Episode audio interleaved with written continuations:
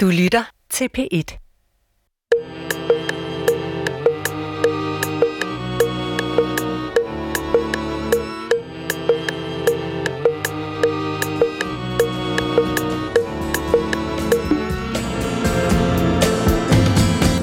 Hun sad alene ved et bord med en drink På en fortorvsrestaurant Hun sad alene ved et bord med en drink på en fortorvsrestaurant Og spejtede efter sin sommer Don Juan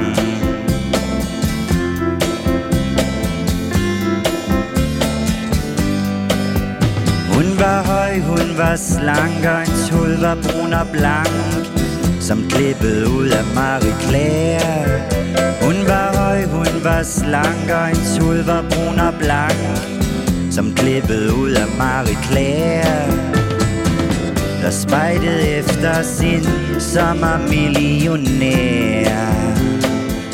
Hun fandt ham bare ikke her. Mama Marie Claire. Goddag, mit navn er Peter Lund Madsen, og rigtig hjertelig velkommen til Hjernekassen på P1. Og vi lagde jo ud med på en fortorvsrestaurant med C.V. Jørgensen. Øh, og øh, det gjorde vi, fordi at øh, nu er det ved at være tilbage. Både vejret, hvor vi kan sidde ude på en fortorvsrestaurant og se de andre, der sidder der. Hvis vi vel at mærke har reserveret plads 30 minutter i forvejen. Jeg kommer fra Sovnfri, øh, og Sovnfri er naboby til Kongens Lyngby, øh, og det er der, Carsten Valentin Jørgensen kommer fra, hovedgaden 84E. Lige ved siden af den butik, som vi alle sammen har handlet i, tusind ting, hvor man kan købe, som en far sagde, spøj og skæmt. Jeg har ikke kendt C.V. Jørgensen, men jeg kender nogen, som gik i klasse med en, som kendte C.V. Jørgensen, som var en storbror, som kendte C.V. Jørgensen. Så jeg har en vis øh, kontakt, men det er slet ikke det, det skal handle om i dag. I dag, der skal det handle om grundlæggende en sans, som jeg holder meget af. Øh, Morten, redaktionschefen og jeg har brugt hele weekenden på Visborg Slot. Visborgård Slot, og det har vi øh, gjort, fordi vi er ved at indspille nogle tv-udsendelser, blandt andet om hjernen og virkelighedsoplevelsen. Og vi har været ret mange sanser igennem, men vi nåede ikke smagsansen. Ikke denne omgang, det kommer senere, men jeg vil råde bod på det midlertidigt ved at præsentere programmets gæst i dag. Det er Niels Lillelund. Niels Lillelund er journalist, madanmelder, vinanmelder ved Jyllandsposten, og vi skal tale om smag og mad. Og smagsansen er og det lægger jeg ud med at redegøre for, øh, en, en, en, smans, der, en, en sans, der beviser, hvordan det er. Fordi, ret beset, så kan vi smage, vi mennesker, fem ting. Salt, sukker, surt og bittert, og det, der hedder umami. Øh, resten af smagsoplevelsen, det er noget, vi lugter os til. Det er noget, der opstår ved følemæssig påvirkning af mundhulen, mundvand, alle mulige forskellige ting. Det, der bare er sagen, det er, at når vi smager noget, så er det noget, vi smager. Lugtesans, alt det andet bliver omsat til én fællesans, der hedder smagsansen, selvom informationen i virkeligheden for en stor del vedkommende kommer fra andre sanser. Hvis man har haft corona, hvis man har været svært forkølet, hvis man af andre årsager har mistet lugtesansen, så ved man, og det er det her, der indbefatter problemet, hvor meget smagsans der forsvinder, når man ikke længere kan lugte noget. Jeg vil sige rigtig velkommen til dig, Niels Lillelund. Velkommen til lytterne. Velkommen til Hjernekassen på P1. Du lytter til Hjernekassen på P1 med Peter Lund Madsen. Og velkommen til dig, Niels Lillelund. Og du er jo madanmelder og øh, og, øh, og, og, og vinanmelder. Og vi har jo aftalt én ting. Vi har jo ikke aftalt så meget, mm. øh, fordi at, øh, som vi siger, det skal nok gå. Men vi har aftalt, at vi gerne vil lægge ud med at tale om blindsmagning. Er det ikke rigtigt? Jo, øh, det, fordi det har jeg altid synes det er sådan en sjov øh, selskabsleg, hvis man er interesseret i vin.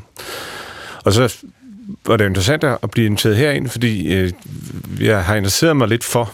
Øh, at hvordan hjernen hænger sammen med smagen, altså hvordan man øh, bliver narret øh, til at tro. Det er jo sådan, når man netop når man øh, blindsmager, at så typisk så skal man jo sidde og gætte det, og når man så tror, man har gættet det, hvis man er sådan en, der kender noget til vin, så er det meget svært at løsrive sig. Altså, så er det svært at komme tilbage til, at man faktisk sidder og smager på vinen, fordi så sidder man i virkeligheden og bruger det, der ligger oppe i hjernen. Altså det, man har på arkivet, det man tror, det er. Hvis jeg nu siger, at jeg tror, det her, det er en hvid bourgogne, for eksempel, så har der en hel masse ord, der er forbundet med hvid bourgogne, som ligger oppe i, i mit hoved. Og så er det dem, jeg begynder at sige, snarere end at forholde mig til, hvad der faktisk er i glasset. Så det er meget svært at isolere øh, den oplevelse. Og det er, det er sådan virkelighedsopfattelsen opfatter, øh, virker. Den, den laver, den siger, det er det her, det er. Og så går den videre ned ad det spor. Så digter den videre på det, den er kommet frem til. Ja. Så overtager hjernen selv kontrollen over vir- den virkelighed, den oplever, kan man sige. Ja, det, det er jo det, og det er jo det, der er det interessante ved det. Men, men jeg, jeg, jeg fik faktisk lyst til at læse lidt om det en gang. Jeg kan huske, det var på en vintur, og så var der, jeg, var der nogle sommelier med, og så smagte vi den samme vin, som vi havde smagt om formiddagen, smagte vi efter frokost. Ja. Og så sagde han, det er utroligt, som den har ændret sig. Og så tænkte jeg, ja, eller også har du bare fået frokost. altså, fordi, eller også har du ændret dig, ikke? Jeg så læste jeg en bog, der hed øh, Neurology of Taste, tror jeg, den hed, hvor, og, hvor, fordi man jo også smager på sit eget humør, så at sige.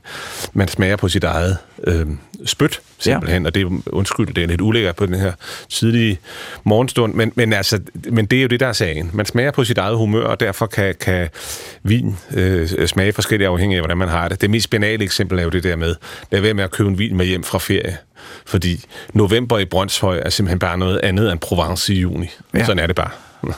Jamen, det er jo noget, vi alle sammen har oplevet, men så- nu skal vi have det, og så er det bare slet ikke det samme. Men blindsmænding, hvad, hvad, kan, du, kan du, hvis jeg nu giver dig forskellige vine, kan du så ramme dem med ret stor sikkerhed? Eller Det hvad? tør jeg ikke sige umiddelbart, men men jeg tør godt sige, at jeg har været på et hold, der bliver Danmarksmester i det. Ja. Og vi bliver nummer tre næste år. Og det betyder også, at det ikke er helt tilfældigt. Det er ikke bare, det er ikke en abe med en dartpil, der sidder og laver det der. Men man kan også, man kan sagtens dumme sig fuldstændig. Det ved enhver, der, har blindsm- øh, der blindsmænger ved, at det er meget ydmygende at gøre det. Øh, og, og forsøge at gætte, og man kan gætte helt forkert. det, er jo en, det handler jo egentlig om to ting. Det handler om øh, erfaring, selvfølgelig. Det handler også om at koncentrere sig om, hvad man smager, og så handler det om at hukommelse, først og fremmest. Det handler om at have et arkiv. Det handler om at have smagt noget i forvejen. Man kan jo ikke sige, det her smager jordbær, hvis man aldrig har smagt et jordbær. Nej. Så derfor skal man have et eller andet at referere til, og det skal man også, når man smager vin. Hvis man skal kunne sige noget fornuftigt. Og så er det simpelthen et spørgsmål om erfaring, og så måske også noget teknik. Kan du sige, hvad du, hvad du gør?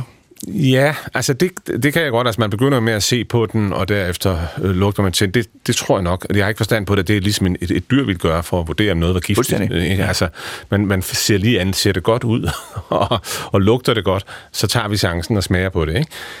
Altså, men, men det, det, det og så prøver man måske, man har 10 minutter typisk, og vi er et hold på tre, og så prøver man måske at udelukke lidt, hvad det kan være, og hvor man kan sådan, man prøver først og fremmest intuitivt, det er tit, man siger, det første, jeg tror, det er, det er det også. Og det kan så være svært at holde fast i det, fordi man, man skal også passe på, hvad siger de andre, og det kan man også blive forstyrret af, og så videre. Så man sidder sådan og får snakket sig frem til det, og, og kan argumentere for det. Men altså, det er svært, og det kræver, det er lidt ligesom at, at vinde i poker, det, altså, det kræver både dygtighed og held, og skal man vælge, så vil man helst være heldig. Ja. Men altså, det der med at være madanmelder, øh, det, altså hvis jeg nu gik i gymnasiet, det må være drømmejobbet. Sidde ude og spise på andres regning, og så bare gå hjem og skrive et eller andet, og så skal de have nogle stjerner, og så næste dag. Hvordan gør man, når man skal, når man skal anmelde et måltid på en restaurant?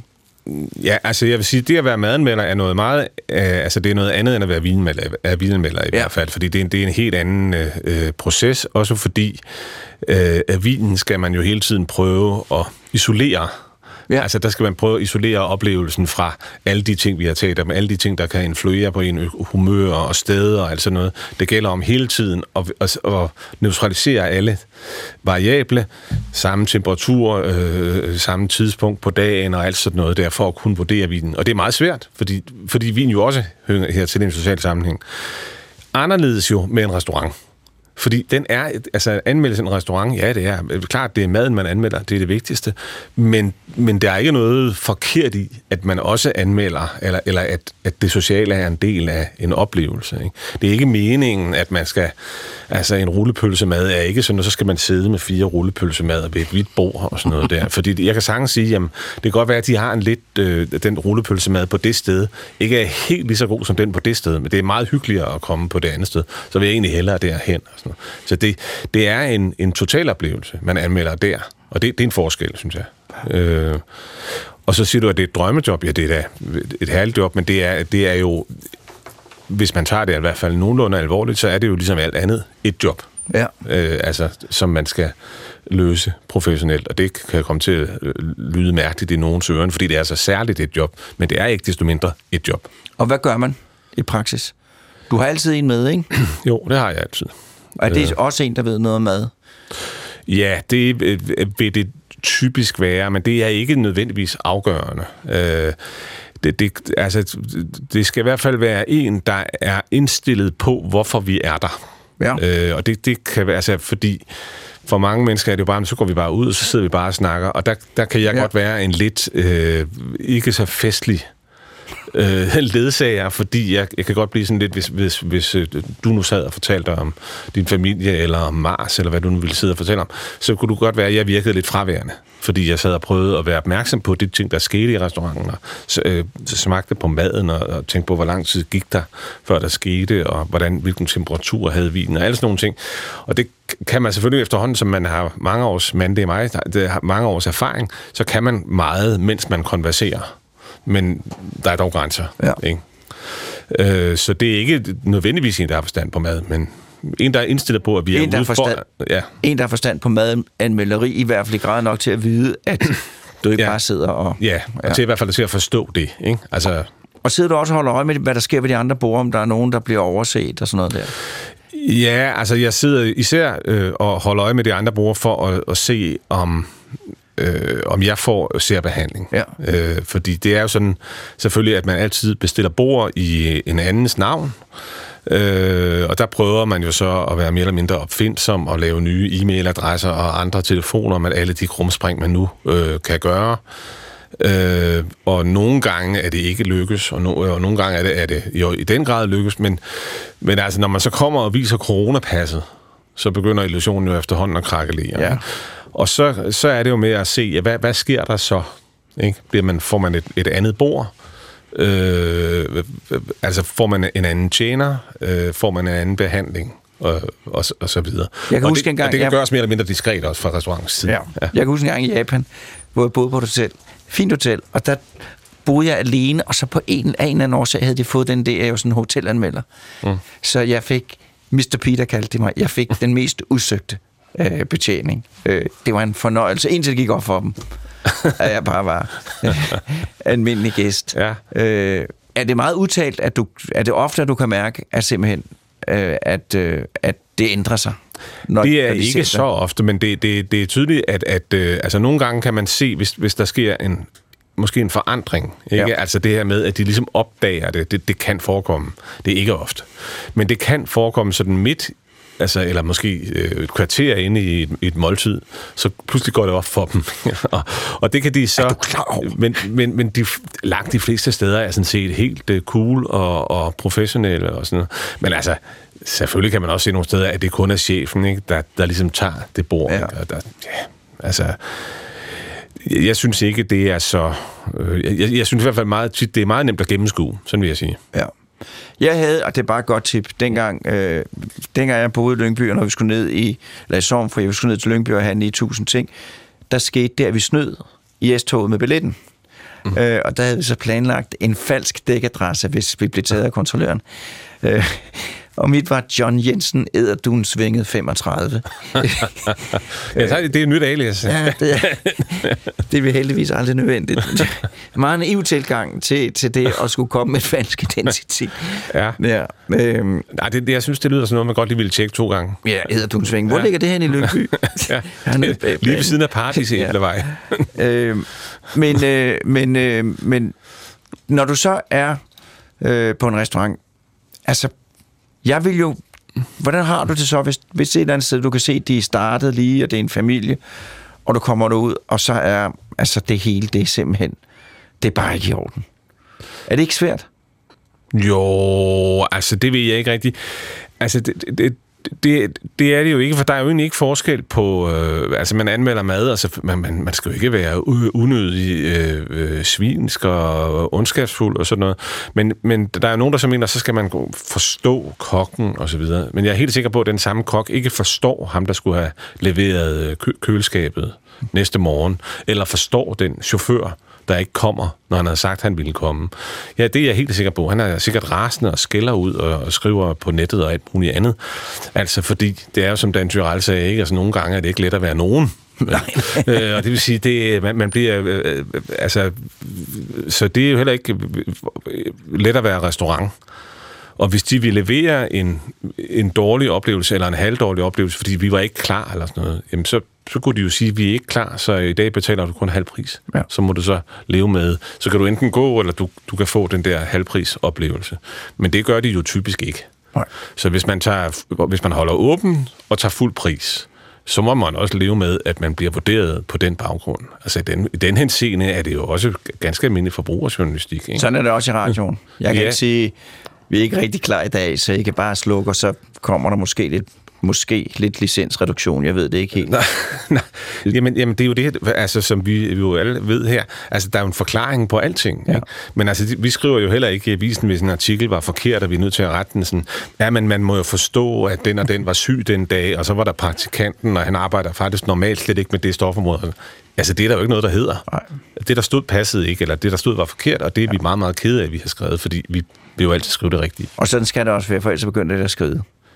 Ellers øh, øh, giver det slet ikke mening. Nej. Altså, øh, så hvis man spørger, altså, hvor ligger loyaliteten, så kan jeg godt, jeg kan godt føle med, med øh, hvis jeg kan se, at der er noget, der øh, går galt, og der kan man jo godt, øh, man behøver jo ikke svine folk til, men loyaliteten må altid være hos den betalende gæst. Det er ligesom det den betalende gæst, jeg repræsenterer, synes jeg. Vi skal have en jingle til alle lytterne. De betalende. Du lytter til Hjernekassen på P1 med Peter Lund Madsen. Og i dag der handler det om smagsans, det handler om mad, det handler om vin, og min gæst det er journalist, vin- og madanmelder Niels Lillelund fra Jyllandsposten. Øh, og vi var i gang med at tale om det der øh, med at anmelde mad. Jeg læste engang en madanmeldelse, og du kan garanteret huske den, Morten kan også, øh, om en madanmelder, jeg kan ikke huske hvilken avis, som havde været på restaurant, hvor tjeneren havde været så gennemført streng. Og han havde helt åbenlyst ikke vidst, øh, at, at det var en madanmelder. Det var nogle, nogle børn, som ikke måtte noget som helst. Og den sluttede med, at han, restauranten fik en stjerne, fordi at tjeneren dog ikke havde slået madanmelderen. Og det var for mange af os, selvom man ikke må være skadefro, det var sådan en af dem, hvor man tænkte, der skete retfærdigheden fyldt. Fordi det var et gennemført urimeligt restaurationsbesøg, som så desværre for restauranten gik ud over den eneste, der kunne svare igen ordentligt, nemlig madanmelderen. Har du været ude for nogle ting, som du, altså hvor du tænkte, det var da en helt absurd. Ja, det har jeg, har jeg enkelte gange været ude for. Jeg ved også godt, hvad for en historie, du refererer til. Og, og, og om retfærdigheden skete fyldt, det kan jeg jo ikke vide, for ja. jeg var der ikke. Øhm, men, men det er jo rigtigt, som du siger, at, at det er morsomt, det her, med, det her med, hvem der er til stede. Øh, altså i dag øh, er det jo sjovt nok ikke. Nu kan jeg lige se, at der er en avis, der har fået en ny madmelder, der bliver præsenteret med sådan et helsidesbillede af vedkommende på forsiden af, af en, altså på en broadsheet. Og i gamle dage var det jo anderledes, øh, da, det hende, der hed Bruce Reichel, hun, hun blev hyret fra Gourmet Magazine i Los Angeles, og så skulle hun være den nye anmelder på New York Times. Så fløj hun ind, og så pludselig er der en anden, der sidder på en række ved siden af og siger, you're not eating that. Hun understod, jeg vil gerne have din øh, portion flymad der, fordi den gider du ikke have. Nå, siger Bruce Blackman. Hvordan kan du vide det? Nej, fordi jeg ved, hvem du er, så du gider ikke spise det der. Okay. Og så blev Bruce Reichel jo klar over, at jeg er nødt til at gøre noget. Så begyndte hun at forklæde sig som sin mor ude fra Iowa. Og så kom hun, optrådte hun i forskellige forklædninger, når hun skulle anmelde. Og så anmeldte hun blandt andet den meget berømte Le Cirque, eller La Cirque, undskyld, som, som var altså meget, meget dyr og meget, meget horskysnovski og, og virkelig sådan et powersted i New York. Og der kom hun, en gang kom hun som sin mor, og en anden gang kom hun i følge med chefredaktøren på New York Times. Og der skrev hun Altså, A Tale of Two Restaurants, ikke? Altså, de to fuldstændig forskellige. Og det var sådan en helt ødelæggende, i min bog, anmeldelse. Jo også fordi den illustrerede, hvor forskelligt man kan blive behandlet, Ja. ja. afhængig af, hvordan man lige ser ud, ikke? Jeg har læst det, jeg tror faktisk, det er Jyllandspost, det kan jeg ikke huske helt sikkert, men der har været en masse artikler, nej, en helt del artikler i den senere tid, hvor man har interviewet nogle af de mennesker, der var med der i transformationen af dansk madkultur Ja. i 60'erne og 70'erne. Det skulle du skrive en bog om. Det er fantastisk. Det er en fantastisk spændende historie om, om nogle ret få mennesker, som Ja. har ændret rigtig meget. Det er der nu skrevet bog om, men øh, så, øh, så øh, jeg vil sige, at det, det, jeg ved ikke, om jeg skal, men, men det, i hvert fald er det, er det jo en fantastisk historie, også om de franskmænd, der kom op og ikke kunne få nogen råvarer og alt sådan noget. Og der har vi jo, øh, hvis der er nogen, der synes, at der bliver talt lidt, øh, lidt rigeligt om mad nu om dagen, og det er der helt sikkert nogen, der synes, så kan man sige, at i forhold til, øh, hvordan det var, altså øh, der var behov for at tale lidt mere om mad. Og det man så kan håbe, det er jo, at øh, den, øh, øh altså, at, at den meget snak sådan om, om myrer på Noma og øh, ting, der står på hovedet, og 50 retter på alkemist til øh, øh 10.000 for to personer, hvor folk flyver ind i privatfly og alt det der. Man kunne godt håbe, at det ville synke ned, ikke? Hvad er det, hvad er det nu hedder? Trickle-down economy, ikke? Altså, at det ville synke ned og skabe en lidt større gastronomisk sans hjemme ved de almindelige formika-borgerne. Men, men jeg kan jo, altså det var jo egentlig tænkt, at, at, at det, der var en restaurant, der hed Kong Hans. Jeg kan huske, dengang jeg var dreng. Uh, altså, det, var, det var også sindssygt. Ja, det var, også- det var gak, gak, at der var så dyr en restaurant. Ikke? Ja. Og det, der blev serveret derinde, og det folk var vilde med, det var jo øh, entrecôte med, øh, med, med rigtig gode pomfritter. Altså, Ja. Og det var en stor smagsoplevelse. Det kan man jo heldigvis få rigtig mange steder nu, ikke? Men dengang, der var det, der var det virkelig noget, der smagte specielt og godt. Ja, ja, altså der, er- men der er jo blevet i hvert fald heldigvis en, en større øh, opmærksomhed omkring øh, ordentlige råvarer, og det kan man jo få, det har jeg da i hvert fald erfaret nu under corona-nedlukningen. Øh, at selvom man ikke har adgang til øh, butikker, eller selvom man ikke har lyst til at gå ud og alt sådan noget, jamen så, så kan man altså, det er de utroligste ting, man kan få på forskellige i- i- gårdbutikker og sådan noget, som man simpelthen bare kan bestille. Øh, det, det koster ekstra, men man kan få det. Det, jeg synes er svært, det er fisk. I forhold til at blive en fiskerination. Men det kan nu også godt få. Det er jo, det er jo Ja. til om bagefter. Ja, det må vi gøre. ja. Så vil jeg spørge, og det kan jeg ikke lade være med, og jeg ved godt, det måske er ikke irriterende, du kan også bare se, at du kan svare på det, men jeg er jo nysgerrig. Kan du nævne sådan nogle, ikke et, men nogle måltider, som virkelig stadigvæk står for dig, som det var, det kan være første gang, det kan være noget, som et eller andet, tænkte, det var en selv for en, der arbejder med mad, en kæmpemæssig oplevelse. Det kan jeg godt, øh, men, øh, men jeg tror nok, at det netop vil være måltidet, og så også omstændighederne. Ja. Altså, jeg kan huske, at øh, da, da den restaurant, der hed Per Se i New York, øh, lige øh, åbnede, og det var helt umuligt at få bord. Jeg havde skrevet mig op øh, på venteliste, og jeg gik rundt der med min amerikanske mobiltelefon, og havde aldrig regnet med, at de ville ringe. Men så pludselig ringede de og sagde, at vi har faktisk et bord, og det passede med, at øh, min søster fløj ind samme dag. Så vi kunne mødes der og gå på PSA, og det gjorde vi, og, det var, og der var det helt nyt. Øh, og, og, og, det, og det var helt øh, det var en helt fantastisk øh, oplevelse. Det er ham der hedder øh, Thomas Keller, øh, der var var kok der, og det var helt det er også ham der har Friends Laundry. Og hele, hele den der ambiance, der var, hele den stemning, der var omkring øh, måltidet. Og der var det før, at der, han præsenterede, kan jeg huske, jeg går ellers ikke overhovedet op i desserter, jeg spiser næsten aldrig sødt, men jeg husker i hvert fald, at han øh, lavede en dekonstrueret Snickers bar, og jeg synes, det var meget sjovt. Altså, altså at det var en gennemtænkt ting at tage. Man sagde, hvor, en Snickers bar, hvorfor sælger den milliarder? Det gør den, fordi at den kan et eller andet smagsmæssigt. Så måske, hvis man tog de ingredienser, der er i sådan en snickersbar, og så bare tog de og gjorde det på en udsøgt måde, kunne man så få en interessant dessert ud af det. Øh, det kan jeg huske. Jeg kan huske en vin, vi bestilte, hvor han så havde det helt rigtige glas, som de gik ned og hentede. Og ja, øh, forskellige ting ved, ved, ved den der oplevelse kan jeg huske. Men jeg kan også huske, øh, at vi kom op og var meget trætte en gang og kom op til en lille øh, bitte øh, bjergby eller, øh, i, i Frankrig og, og gjorde hold ved noget, der lignede det arveste sted, hvor de blandt andet havde sådan nogle pizzaer, som jeg virkelig ikke Det er ikke... Det er ikke det, er ikke, det var sikkert sådan nogle froste nogen, som man puttede ind i en ovn, ikke? Men, det, men så havde de også øh, dagens ret, og det var spædelam. Og jeg har ikke før eller siden, hvis jeg husker ret, fået noget lignende. er det rigtigt? Og det, og det kan sagtens være, at jeg har det. Men, men oplevelsen af pludselig at få det der helt fantastiske, hvor hvor det sådan var det, det ultimativt autentiske, det man tror, man, man skal have. Man bliver jo så tit skuffet. Ja. Ikke? Fordi man, man, så, man standser den der bjergby, og så tænker man, nu bliver det sådan, og så bliver det overhovedet ikke sådan, men så bliver det det- en tankstation, kunne det lige så godt have været. Ikke?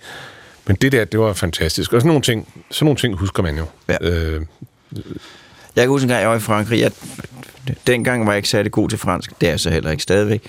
Men så kom jeg ind på... en- Altså hjemme hos os. Min mor kommer fra landet, det gør min far også. Øh, Så, så det, der var meget populært, vi to, da jeg var dreng, det var det, der hed platten. Fordi der fik man mest for pengene. Og så kom jeg ind på en restaurant, så havde de plat de jour. Så Ja. tænkte jeg, det skal jeg da have. Jeg skal da have jeg plat. kan godt lide sure. Men det var ikke, det var en helt anden platte, de havde der, end, end den, jeg var vokset op med. Har du en madkultur? Kan man sige noget om det?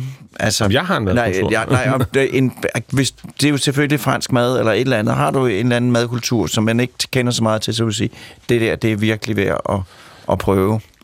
Øh, Det gør du ikke bum. Nej, sådan en har jeg ikke lige. Altså, jeg har da helt klart noget, jeg selv øh, foretrækker, og det er jo typisk, altså jeg er da klart øh, læ- læ- læner mig mod det. Det er klassisk franske, det vil jeg da godt indrømme. Eller især øh, mod det, der hedder borgerkøkkenet.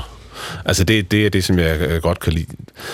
Jeg synes generelt, at, øh, at der var mange, der kunne øh, have glæde af Øh, altså, her tænker jeg på, på danske kokker, der skal servere mad til 30 mennesker. Så vil jeg ønske, at vi kunne blive så øh, kultiveret i Danmark, at det ikke behøvede at være ting, der sådan var på måde at skulle hedde ting, og især ikke skulle være hvad, kalvemørbræd, som er meget nemt at ødelægge, og derfor også bliver ødelagt. Altså, hvor, hvor man, det kunne blive lidt mere øh, almindeligt at værdsætte en virkelig god kalveragu.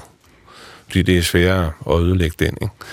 Altså, i stedet for det der meget, øh, at, at det sådan skal se godt ud på et menukort eller sådan noget. Altså, hvis, men, men jeg ved godt, at det er jo selvfølgelig et- den der, sådan, hvad skal vi sige, søgen mod det enklere og den gode råvare og sådan noget, den kommer jo også af, at man har prøvet mange ting, ikke? Så synes man ikke, man behøver at prøve det, fordi man har ligesom været der. Så det, det ved jeg godt, og det forstår jeg godt. Men jeg synes, det ville være en højnelse af kulturen, hvis nogle flere torde det, så vi har kalveret god til hovedret, hvis der var fødselsdag for 50 mennesker. Fordi at det er, det er nemmere at lave, Og smager bedre tit. og smager tit bedre. Ja, ja. altså næsten altid bedre. Ja. En, en, en, I hvert fald bedre end en tør kalvemørbrød. Hvad er din livret? Har du sådan en? Nej, det kan jeg ikke lige sætte ord på. Er Nej, der nogle ting, du, du, du simpelthen ikke spiser? nej. For det tror jeg, altså jeg, jeg spiser også stort set alt. Mm. Hvor der er noget, du ikke spiser, Morgen spiser også alt. Det vidste jeg godt. øh, øh, har du, øh, nej, har du en favoritkok, favoritrestaurant? Kan du sige noget om det, eller det, vil det være uretfærdigt, når du går rundt og anmelder dem? Mm, nej, jeg tør godt sige, at jeg har en favoritrestaurant. altså, det tør jeg sige, fordi jamen, jeg har skrevet bog om dem. Altså, øh, så Søllerød Kro, altså, kan jeg meget, meget godt lide at komme til. Og det handler igen også om... Øh, det handler selvfølgelig om madstilen. Det handler også om, i høj grad også om vin. Det handler om... Øh, om den totale ambiance. Og så handler det måske om, at jeg, jeg synes, de er så dygtige derom, at jeg kan slappe fuldstændig af. Fordi det er sådan lidt en... Øh, øh, erhvervsskade, at man ikke, øh, altså at man, man mister jo den der glæde af, hey, i dag skal vi ud og spise, ikke? fordi så tit tænker man, at det kunne jeg have gjort bedre selv det der, og så har jeg også fået bedre vin, fordi den havde jeg selv hentet ned i min egen kælder, så alt havde bare været bedre. Øh, og det er jo en erhvervsskade, at man får det sådan, men på Søllerød Kro har jeg sådan den, den gammeldags fornøjelse ved bare at komme ud, ja. altså bare at komme ud og spise, og at nogen tager sig af det, fordi jeg synes, at de er dygtige, og derfor behøver jeg ikke sidde og spekulere på, om de kan finde ud af det, for det kan de. Og det tør jeg godt sige, fordi det, altså, dels er jeg bestemt ikke den eneste, der har sådan, og dels har jeg skrevet en bog om dem, så jeg er ligesom ikke... Du har, Jeg skal ikke anmelde dem. Nej. det, ligger, det ligger nogenlunde fast. Jamen, så må du, du, så må du få bestilt bord derovre. Jamen, det har jeg sandelig allerede gjort. Du har, du, du har det, det ligger. øh, så Ja. ja. øh, det er jeg glad for. Men nu skal vi have en jingle. Du lytter til Hjernekassen på P1 med Peter Lund Madsen. Vi har her i Hjernekassen på B1 som tema smagsans, mad, og det vi skal tale om nu, vin. Og her bevæger jeg mig ud i, i øh, for mig, endnu mere ukendt territorium, fordi at, øh, at jeg er en, der har det som rigtig meget. Jeg kan godt lide vin. Sagt på den måde, jeg kan godt lide vin. øh, men men øh, jeg kan bedre lide rødvin end hvidvin. Nej, det passer ikke. Jeg kan bedre lide hvidvin rød. Men jeg, Jeg tror, det der er ikke et problem, men det der er sagen med mig og for mange andre, det er, at jeg har jo aldrig rigtig lært at smage på vin. Øh, og det, jeg, det tror jeg nok, fordi jeg ikke har givet det nok opmærksomhed.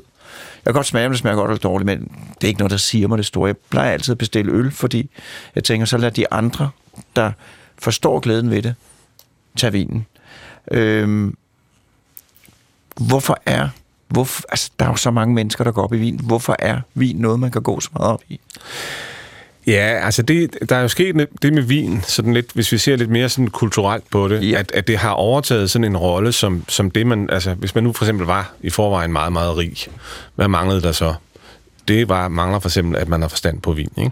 I gamle dage ville, man jo, var der, ville der være et krav, at man også havde forstand på ballet og litteratur og sådan noget, men det er jo ligesom blevet afskaffet som almindelig sådan mål for dannelse. Nu koncentrerer vi os om det væsentlige. Ja, det må man sige, ikke? fordi du kan godt være, være, være sådan en berømt øh, rigmand, og så gå på forsiden af og sige, jeg har aldrig læst en bog. Ja. Altså det har vi jo ikke herhjemme, det der med, at et dannet menneske har læst bøger, for eksempel. Det findes ikke rigtig mere.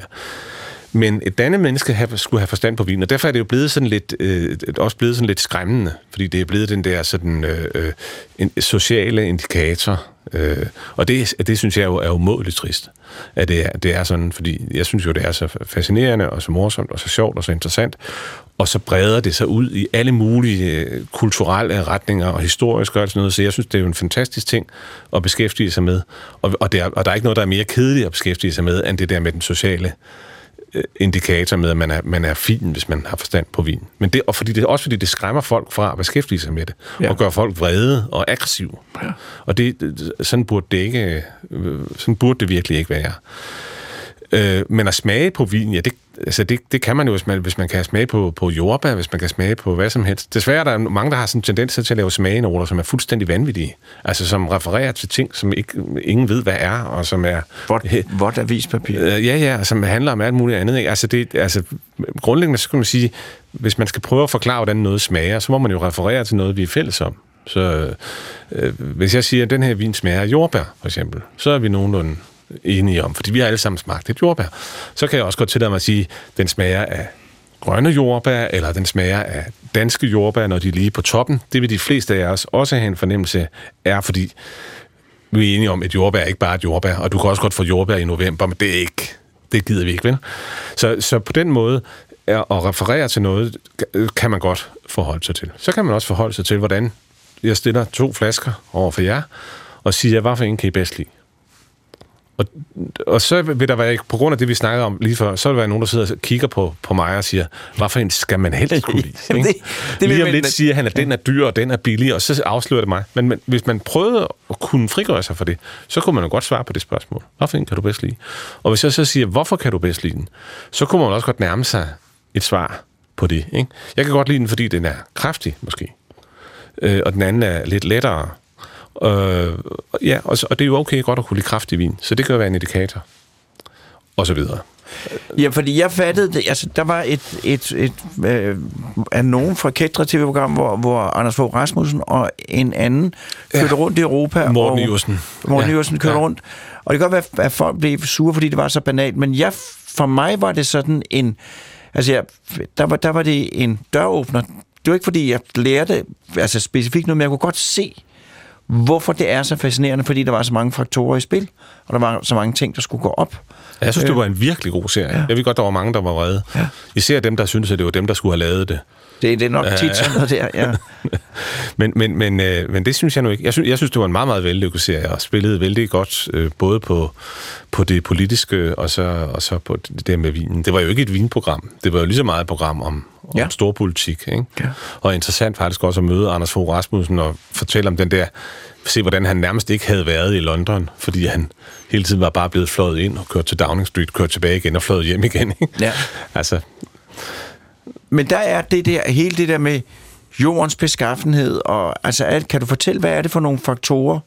Hvis jeg, skal, hvis jeg nu, hvis man skal, det, hvis man siger, ja, nu skal vi lave, hvad, hvad skal der til, for at man laver en virkelig god vin? Kan man svare ja, på det spørgsmål? Altså det, der, der, de franskmændene har jo det begreb, der hedder terroir, ja. som er sådan et lidt svævende begreb, men som meget også handler om jord og klima og historie og bunde og så videre, alt det der, der hænger sammen. Og det er også sådan blevet et begreb, de bare bruger jeg kan huske, at jeg rejste i Bourgogne. De laver også dårlig vin i Bourgogne nogle gange. Ikke? Og hver gang man sådan spurgte, hvad, hvad synes de så? Og så en enkelt gang, så sagde jeg, ah, jeg synes måske lige, den har det sådan noget, ah, c'est le terroir, monsieur, ikke? Jeg overvejede at sige til dem, har I så overvejet at flytte? Fordi hvis, hvis, hvis, det er, hvis det er betingelserne. Terroir, men, det betyder det simpelthen den jord, den er vokset i? Ja, men det betyder, ja, det betyder mange andre ting også. Det er ligesom sådan et samlebegreb for, for, for hele, hele affæren. Og franskmændene elsker, elsker at benytte sig af det, fordi de mener sådan lidt, det er der faktisk nok kun i Frankrig. Men det er der selvfølgelig alle steder. Også i Chile er der terroir, men det, der, i Chile mangler der så måske lidt historie og lidt forståelse af, hvor man er. Lidt forståelse af og mange generationers erfaring med at arbejde med den her jord. Men det skal så tilføjes, at man kan jo helt utrolig meget nu om dage i kælderen, og det vil sige, at man kan lave utrolig meget om på vinen, hvis man vil. Og det vil man typisk få at vide af en vinmager, at det gør han sandelig ikke, fordi han laver bare, han er bare formidler af naturen. Det er jo det fineste, man han kan være. Formidler territoriet. Han formidler terroiret, og det er det eneste, han gør, og han griber slet ikke ind. Men Hans det er, fineste det, opgave er at træde tilbage og være usynlig. Netop, ja. og det er som regel løgn. Øh, og og, og man, man skal jo heller ikke være usynlig under en... en altså ligesom, ligesom man jo vil gribe ind, hvis ens børn løber ud for at lege på motorvejen, så skal man jo også gribe ind, hvis man kan se, at bilen er ved at køre helt skævt. Så, så, så der er rigtig meget bullshit også i, i, i den der vinverden, og det er jo et ekstra lag, man skal trænge igennem, hvis man gerne, hvis man gerne vil have fornøjelse af det, hvor man er nødt til at sige, det der, det er jo noget vrøvl. Jeg kan smage et, et eksempel. Merceau, de fleste af os ved, at der er en vin, der hedder Merceau. Den smagte, en, en gang kunne man altid genkende den i en blindsmagning, som vi begyndte med. Det var sådan noget med smør og rigdom og vanilje og sådan noget. Det var sådan en rigtig, mm, en, en, en cozy vin, ikke, som man fik, hvis man øh, trængte til trøst. Øh, og nu er den så, fordi moden også har skiftet lidt med smag, så nu smager rigtig mange Merceau-vine meget mere af Pouligny Morchet. Nu må lytteren undskylde, nu taler vi om små øh, øh, steder i Bourgogne. Men det vil sige, at den er meget mere mineralsk, den er mere syrerig, den er lidt strengere, den er lidt mere vertikal i, i sit udtryk. Og så kan man spørge, hvor blev terroiret af? Hvordan kunne man pludselig lave om på det? Og svaret er, det kunne man, fordi vinmagerne var klar over, at moden havde ændret sig, så nu rettede det lige ind. Sådan er det også. Og hvordan retter man lige ind? Er det noget med, hvordan man lager den, ja, hvad man ja, hælder i og sådan noget ja, der? Ja, det kan man gøre, I kender. Ja. Og, det, og, derfor, og, derfor, og det skal vi egentlig være glade for, at folk, altså som udgangspunkt skal man jo være glade for, at folk er blevet dygtigere til at lave vin. For det betyder jo også, at de kan lave bedre vin i dårlige årgang. I gamle dage, der var en dårlig årgang virkelig dårlig. Sådan er det ikke mere. Man kan gøre rigtig meget for at redde den. Hvad øh, er, hvordan, hvis man, øh, hvis man nu, øh, hvis man, hvis man nu gerne vil have en, en god vin, hvor meget skal den så koste? Kan man stille sådan nogle dumme spørgsmål? det, det, det, har, det har lige du lige gjort. Det. ja. ja. det kommer sandelig an på, øh, hvem man er. Men jeg vil sige så meget, at hvis, hvis vi taler, hvis vi har udgangspunkt i Danmark, ja. hvis du køber en vin til 40 kroner, øh, så kan du ikke øh, så godt lide vin, som du kan lide at betale skat. Fordi langt det meste af, af det, du betaler, er skat. Og derfor får du rigtig meget, hvis du for eksempel går fra 40 til 80 eller til 100. Fordi For du betaler den samme skat per flaske? Ikke helt, men næsten. Men altså næsten. næsten alle vinskatter i Danmark er på, øh, er på mængde. Ja. Ikke? Og en mængde øh, Latache, altså den, en af de dyreste vin i verden, og en mængde øh, slamvin fra, fra Sydfrankrig, er den samme mængde, og derfor den samme skat. Og det vil sige, Øh, hvis du betaler 100 eller 150 eller 200, så får du meget mere øh, vin for pengene. Men så opstår der jo også et punkt, hvor du begynder at betale for sjældenhed og image, og øh, altså det, at, at der bare ikke er så lidt af den. Der er rigtig mange, der gerne vil have sådan en flaske Petrus, og derfor sættes prisen jo ikke efter, hvad den hvad skal man sige, i, gåseøjne er værd. Nice men, men, men, men, men altså, hvor meget er en diamant ja. værd? Ikke? Ja. Den er det værd, som folk vil betale for den. Ikke? Ja. Øh, og, og mit hus er steget i værdi, men murstenen er jo ikke blevet bedre. Men det, det er markedet også, ikke? Altså, det er jo det, det handler om også. Så ja, men jeg vil sige helt generelt, så vil jeg sige, at man, øh, hvis man for eksempel går fra 50 til 100, det gør man klogt i at gøre. Ja. Så, så får man vin for pengene, og, ikke, og betaler ikke kun skat. Og hvis man så skulle, kan man sige så noget med, kort franske vine er sådan, spanske vine er sådan, eller er det igen? Nej, det kan man ikke rigtig sige. Det synes jeg, man er nødt til at... Øh, og, smage sig altså, altså, franske vine er jo også et meget vidt begreb. Det samme ja. er italienske vine. Øh, jeg synes, det, det, der må man ligesom øh, øh, smage sig frem. Men hvis man gerne vil vide noget, så, det man så kan glæde sig over, synes jeg, det er jo, at hvis man køber en vin, øh, som man ikke kan lide, så er det også en erfaring. Altså, så er det ikke bare lige til at... Ja, så er det jo ærgerligt, at man har købt en vin, man ikke kunne lide. Men så har man da vundet den erfaring, at så kunne man levere at købe den samme vin næste gang. Og man kunne også overveje, hvad var det så for en vin, jeg ikke kunne lide? var det en Chardonnay fra Chile? Hvor, hvor smager de altid sådan? Eller sådan noget? Så kunne det være, at jeg skulle prøve at købe en Chardonnay fra et andet land, eller et eller andet. Ikke? Altså man kan jo gøre sig nogle erfaringer, og en dårlig erfaring, er også en erfaring, det er faktisk tit, måske den vigtigste erfaring, ikke? Den man bedst kan regne med. Ikke? Ja. Så, Altså, jeg havde jo... Jeg, er jo, øh, jeg, jeg, jeg har jo siddet her... Ikke, jo, pralet, ikke? Fordi der er også noget... Når, når, når nogen synes noget er fint, så er der også andre, der synes, det er meget fint. Mm. Så ikke at lægge under. Nu er jeg siddet og pralet med, jeg ikke ved særlig meget om vin. Øh, men, men jeg er faktisk blevet meget god til at gå på restaurant. Øh, og det er tillært. Øh, fordi at det er ikke noget, jeg har lært hjemmefra. Mm. Øh, og en af de ting... Og nu skal jeg bare spørge dig her til sidst, om, om det ikke er et vigtigt råd. En af de ting, jeg har lært, det er jo netop det der med ikke at føle sig pine til mode om, at det er første gang, man kommer der, eller man ikke rigtig ved, mm. men at læne sig tilbage og tage imod, øh, tage imod oplevelsen, uden at være bange for, at man kommer til at gøre noget forkert. Man kan lige kigge på de andre og Ja. rette ind hen ad vejen. sådan skal en god restaurant jo være. Den, den, er, den skal jo være der for, for din skyld. Den skal ophøje dig, og ikke nedgøre dig. Ja. Altså, så, så det vil sige, hvis du ikke ved noget, så kan man jo tilbyde et godt råd, og det kan man jo gøre på, på en, en, en venlig måde. Altså, det skal jo ikke være en præstation at gå på restaurant.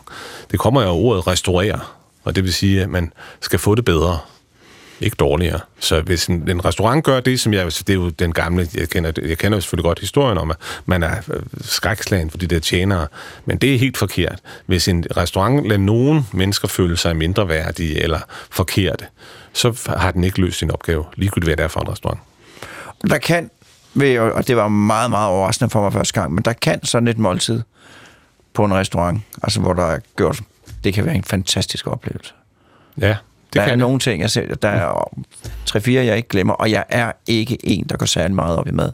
Men jeg har fået nogle oplevelser, som jeg simpelthen, simpelthen ikke glemmer. Så jeg godt anbefale, også nu for at støtte erhvervet, at man går ud og går på restaurant, og tager det som en, en oplevelse. Det kan jeg kun skrive under på. Ja. Og så kan man finde en anmeldelse frem bagefter, og se, om man er enig med dig. Ja. Det er jo ikke altid, man er. Det behøver man heller ikke. Nej. Nej. Nils, tusind tak, fordi du kom. Øh, Og jeg vil også sige tillykke med, at det er blevet lukket op. Tak for det. Jeg Det må have været en hård tid. Det har ikke været nemt. Det har det ikke. Nej. Men nu skal du til Søllerød. Det skal jeg. Ja, øh, og der er reserveret i god tid foran.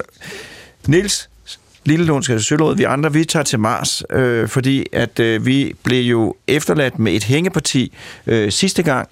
Fordi mens vi talte med vores Mars-ekspert, der var øh, Mars-helikopteren måske op at flyve, måske var den ikke op at flyve.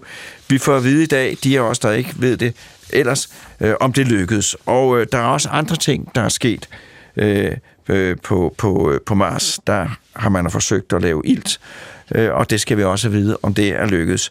Så det er med bævrende stemme og let sidrende hænder, at Morten sidder og trykker på telefonen nu til vores Mars-gæst Morten Bo Madsen, lektor i astrofysik og planetforskning ved Niels Bohr Instituttet. Og øh, vi skal lige... Er, vi skal, er der? Ja, jeg kan godt. Morten, han, han nikker til mig. Og nu kommer Mars Jenkins.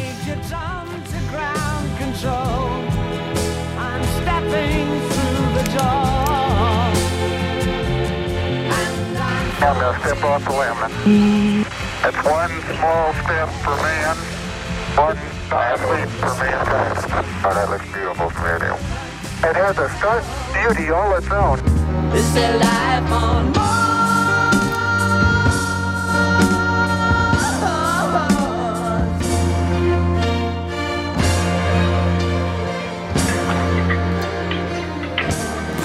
Ja, Morten Bo Madsen. Det er Peter Lund Madsen her. Er du der? Det kan du tro, Peter. Det er jeg rigtig, rigtig glad for, fordi at øh, du sidder med svar på mange ting. Øh, David Bowie synger, Is there life on Mars? Øh, jamen, kære David, det er jo det, I er ved at finde ud af. Øh, Ja, det jeg ikke nu. øh, men, men det er jo skridt på vejen. Ja. Øh, og øh, altså, øh, jeg kan sige, øh, jeg aller spørg, først spørger dig, hvor befinder du dig henne? Jeg er hjemme i mit eget hus. Men øh, du har digital forbindelse til, øh, til, øh, til, øh, til Mars. Vi har, vi er rigtig mange, der sidder rundt omkring i hele verden, og så NASA har et distribueret kontrolcenter, kan man sige. Ja, og så lægger altså sidste gang, der, der var vi jo midt i det. Øh, Mars-helikopteren, den havde fløjet, men vi ikke havde fået, fordi Mars ligger langt væk, vi har ikke fået at vide, om det var lykkedes. Så nu spørger jeg så dig, hvordan gik det med Mars Det gik rigtig, rigtig fint. Og ikke alene har den, den fløj sin første flyvning, hvor den fløj cirka 3 meter op og landede igen. Og Mars Camp Z-holdet, som jeg er medlem af, men jeg har ikke selv taget billeder, øh, der, der er nogen, øh, der tog både billeder og videoer af det. Så det er tilgængeligt på internettet, øh, på NASA's hjemmeside. Hvor man, Og øh, det var den 21. Eller det var den 19. den fløj første gang.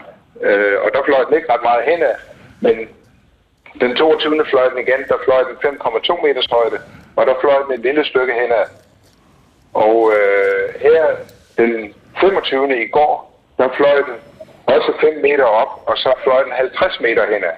Og det var sådan, som på Marskamp-billederne. Der kan man se, at den forsvandt ud af billedet.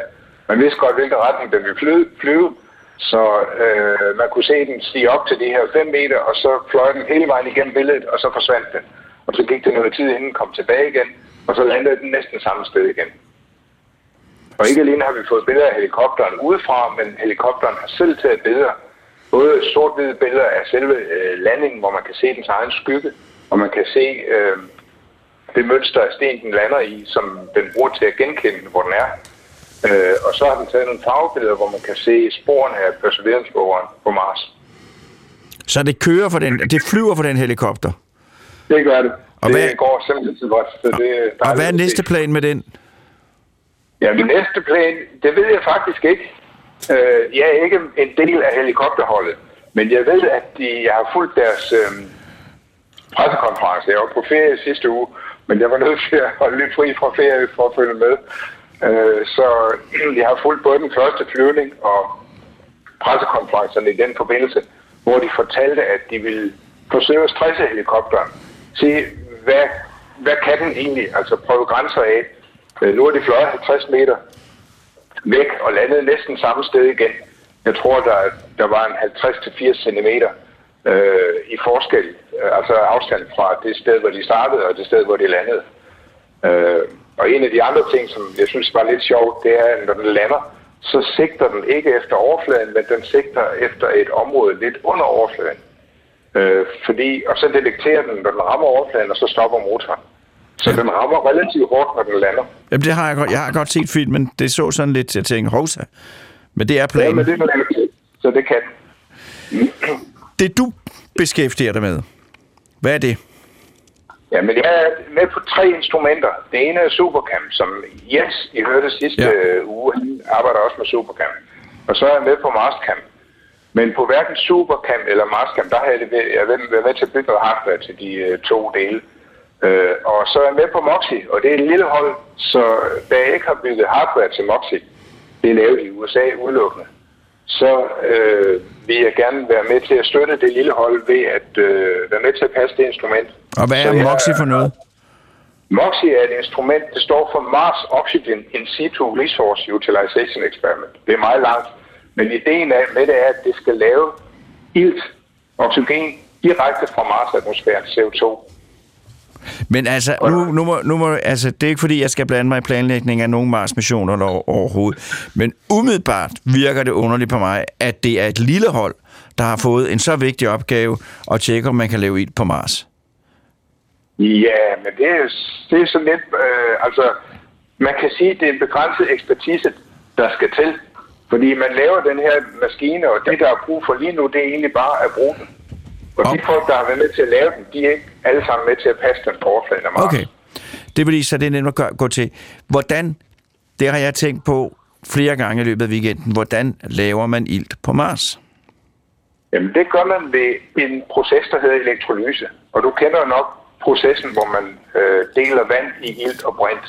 Man kommer en lille smule salt i vand, sådan, så det kan lede elektrisk strøm. Og så sætter man strøm igennem, og så bobler der ilt op på den ene elektrode og brint op på den anden elektrode. Ja.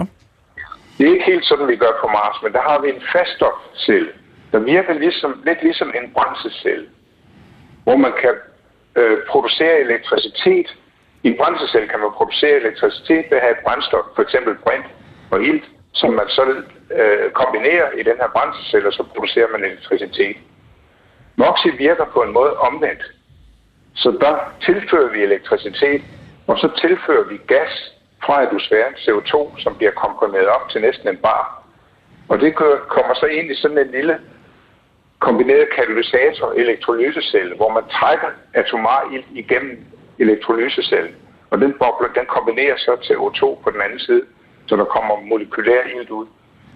Og så og så kommer der... kommer der koldioxid ud på den samme side, øh, som, som kul, koldioxid kommer ind. Så, så har vi fået produceret noget, noget ilt. Og der kommer også noget kulmonoxid også, ikke? Det gør der, ja. Det smider vi bare ud. Det gør vi nu også med ilten i den her maskine i, i første omgang. Men man skal passe på Ja, med det kulmonoxid. Ja, det det er ekstremt giftigt. Det, ja. binder, det binder i, øh, i vores blodlægemers hemoglobin lige så kraftigt, eller mere kraftigt end ilt faktisk. 16 gange så meget. Så det er 16 faktisk... Men så har I produceret ilt på Mars? Vi producerede 5,4 gram øh, den natten, tidligt på øh, natten den 21. april, eller tidligere om morgenen den 21. april. Og kan du på nuværende tidspunkt sige noget om, om det kunne, det kunne være et tegn på, at der er en vej mod, at man kan lave ilt i mængder, der kan sikre jordigt livs overlevelse Ja. på Mars? Det vi kan sige er, at nu har vi vist, at vi har teknologi, der i princippet kan gøre det. Og det, der er en af idéerne med det her eksperiment, det er, at vi skal lære, hvordan skal det opskaleres, sådan så vi kan producere 3.000 gram i timen i løbet af 14 måneder. Ja. Det er det, der skal til, før vi modtager de første gæster ude på Mars. Så hvis der, Der skal, skal tre, hvis, der skal, hvis der skal leve tre mennesker på Mars, så skal de have de der... Ja, hvis der skal leve fire i hvert fald, så Ja. skal de have 25 ton ild til at komme i kredsløb Ja. øh, om Mars igen, når de skal forlade planeten. Og så skal de have cirka 2 ton til at trække vejret i, i de 18 måneder, de skal opholde sig der. Og I har lavet, hvor meget har I lavet indtil nu? 5,4 gram. 5,4 gram. Men kan det skaleres op? Er der, er der tegn på, at det kan blive iltforsynende i tilstrækkelig grad? Øh, altså det, det, vi skal finde ud af med den her maskine, det er, hvordan laver man mest effektivt den maskine, der kan, der kan producere 3.000 gram i timen. Ja. Så det her er et teknologieksperiment, kan man sige. Og ideen i det er, at vi skal lære, hvilke problemer kan der opstå på Mars. Hvad er det, der er specielt ved Mars? For eksempel støvet, er det et specielt problem? Hvor stort skal filteret være? Kan man lave kompressoren mere effektivt? Er kompressoren den rigtige størrelse i forhold til den elektrolysecelle, vi har? Den slags ting. Øh, og så bare det at vise, at, den kan, at vi kan bygge en maskine, der kan producere ild, der kan tåle de meget, meget voldsomme vibrationer, der er, når man sender den op med en raket, og nogle chok, som, øh, som der er på grund af nogle, øh, noget pyroteknik, når den lander. Så og her, øh, det har vist sig, at maskinen virker præcis ligesom den gjorde på jorden, to år inden den blev sendt afsted. Så den her- har overhovedet ikke til skade. så her ganske kort til sidst. Det er en stor succes. Helikopteren flyver, I kan producere ilt. Hvad, øh, hvad kan man forvente, og det skal være ganske kort svar, hvad kan man forvente af spændende ting, der sker den næste uge? Jamen, øh, jeg er sikker på, at helikopteren flyver igen. Så det lige præcis, hvilke opgaver den får, ved jeg ikke. Men prøv at kigge på NASA's hjemmeside, også, også efter de billeder, øh, helikopteren tager, og Ja. de billeder, Mars selv tager af helikopteren. Morten, tusind tak, fordi øh, at du vil komme, og tak fordi, at du kom med den her historiske besked, af, at mennesker for første gang nogensinde har produceret ilt på Mars. Tak for muligheden. God, god uge. Og, Tak øh. Tak, og øh, det var Morten Bo Madsen fra øh, Astrofysik og Planetforskningsinstituttet på Niels Instituttet, og det afslutter Hjernekassen i dag. Næste gang i Hjernekassen, og jeg, jeg garanterer, det er en tilrettelæggelsesmæssig ikke tilfældighed, men, men ikke tilsigtet hændelse, for næste gang skal det handle om ølbrygning. Det er ikke fordi, vi er på vej et, et uheldigt sted her øh, på, på redaktionen, men det er sådan, det er blevet. Tak til gæsterne, tak til Morten Krøholt, øh, og tak til lytterne. Nyd nu den lille grad af nyvunden frihed, I har fået. Husk at bestille tid 30 minutter før, og nyd foråret, for det er her lige nu.